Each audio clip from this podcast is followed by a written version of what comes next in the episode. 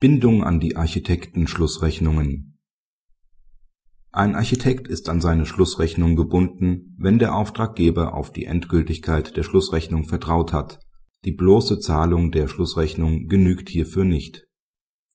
Ein Architekt erhält einen Pauschalhonorarauftrag, der die Mindestsätze der HOAI unterschreitet. Der Architekt fordert nachträglich die Mindestsätze der HOAI. Der Auftraggeber wendet ein dass er, nachdem bereits beträchtliche Zeit vergangen ist, in schutzwürdiger Weise auf die vorgelegte Schlussabrechnung vertraut hat. Das Architektenhonorar richtet sich entweder nach der vertraglich vereinbarten Vergütung oder aber nach den Mindestsätzen der HOAI.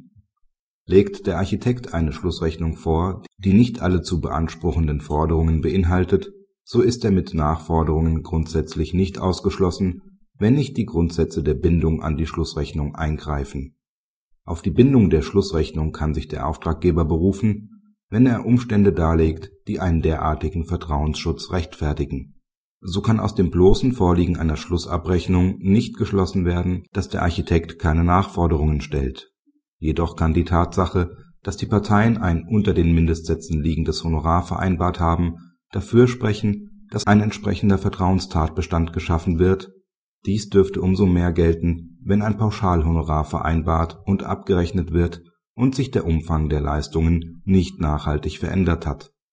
Dabei ist in die Gesamtabwägung auch einzustellen, ob der Auftraggeber Kenntnis von der Unwirksamkeit der Pauschalvereinbarung hat. Unerheblich ist jedoch der bloße Zeitraum zwischen der Erteilung der Schlussrechnung und der Geltendmachung des höheren Honorars, vielmehr ist maßgeblich welche Maßnahmen der Auftraggeber im Hinblick auf sein geschütztes Vertrauen vorgenommen oder unterlassen hat. Zum anderen ist erforderlich, dass die durch die Nachforderung entstehende zusätzliche Belastung unter Berücksichtigung aller Umstände des Einzelfalls für den Auftraggeber nicht mehr zumutbar ist, weil sie eine besondere Härte bedeutet. Praxishinweis Letztendlich wird durch dieses Urteil klar, dass die Gesamtabwägung von diversen Umständen des Vertrauensschutzes bei dem erkennenden Gericht liegt. Eine Voraussage, ob gewisse Vertrauenstatbestände zur Bindung an die Schlussrechnung führen, ist damit schwer möglich.